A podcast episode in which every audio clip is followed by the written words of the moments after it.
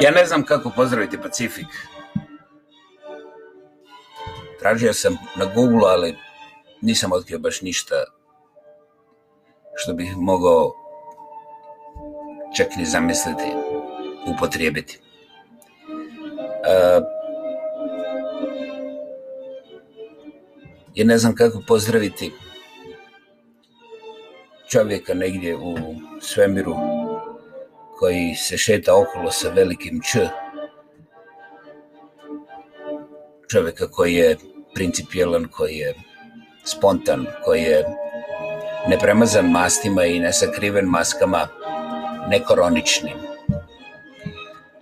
I Bogu hvala da ja, eto tako, topim se u neznanju, jer okolo mene pršte od znanja i ovaj, baš zbog tog prštanja ja se plašim da mi nešto ne upadne u recimo razmišljanje i onda se držim ovako po strani tako da ovi mjeseci korone su meni donijeli jedno veliko pročišćavanje, jedan mir koji ja ne mogu objasniti, a u Google također nema ništa. Kupus mu algoritmanski, algoritmanski, algoritmički,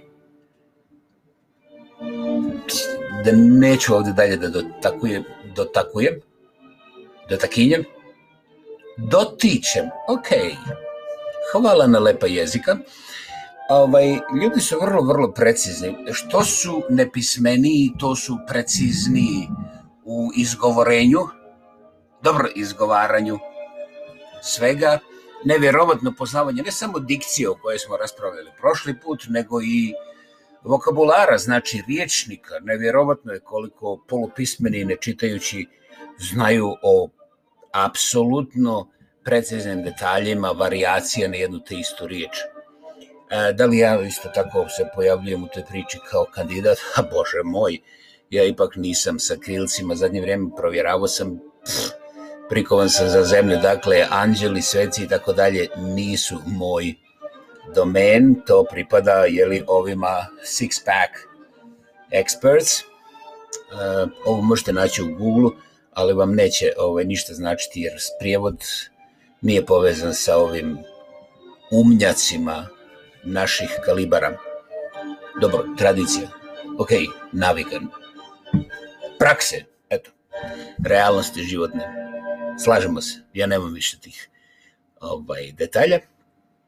I što je najvažnije, najvažnije u cijeloj priči za danas, da ja ne bi prekoračio pet minuta preko puta, je povratak feudalizma na velika vrata.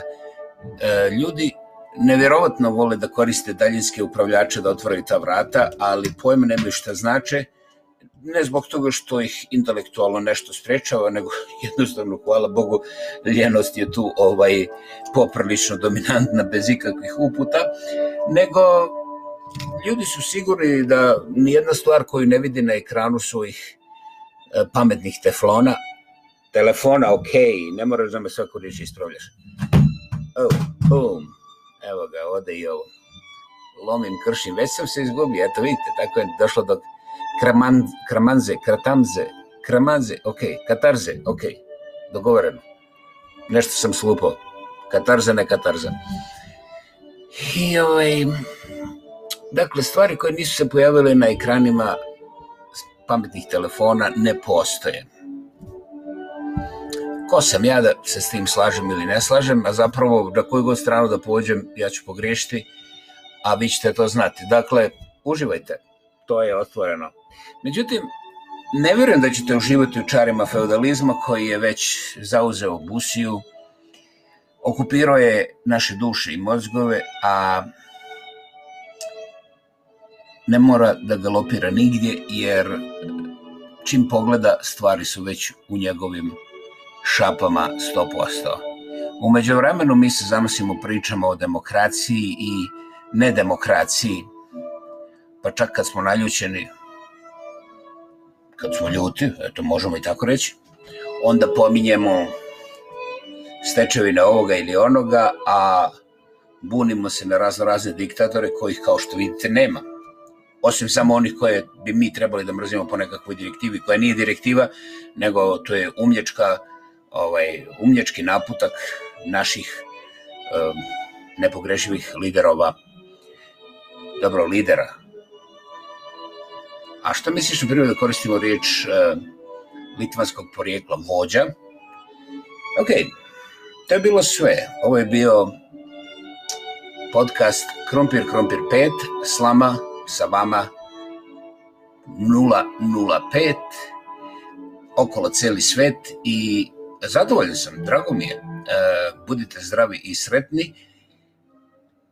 Zanemarite svoje telefone otprilike 3 do 4 minuta dnevno, možda vam se posreći, pa ćete primijetiti i svijet okolo sebe. Ima tu nekih bliskih osoba koje bi željele da vam vide oči ili barem da čuju dvije, tri vaše riječi, možda da samo popiju kafu bez gledanja u te teflone. Hvala, hvala, hvala, hvala i ovaj, javite se nekada. Nisam ja na Marsu i ja sam ovde još uvijek na zemlji. Ćao bao, slama, samo za vas.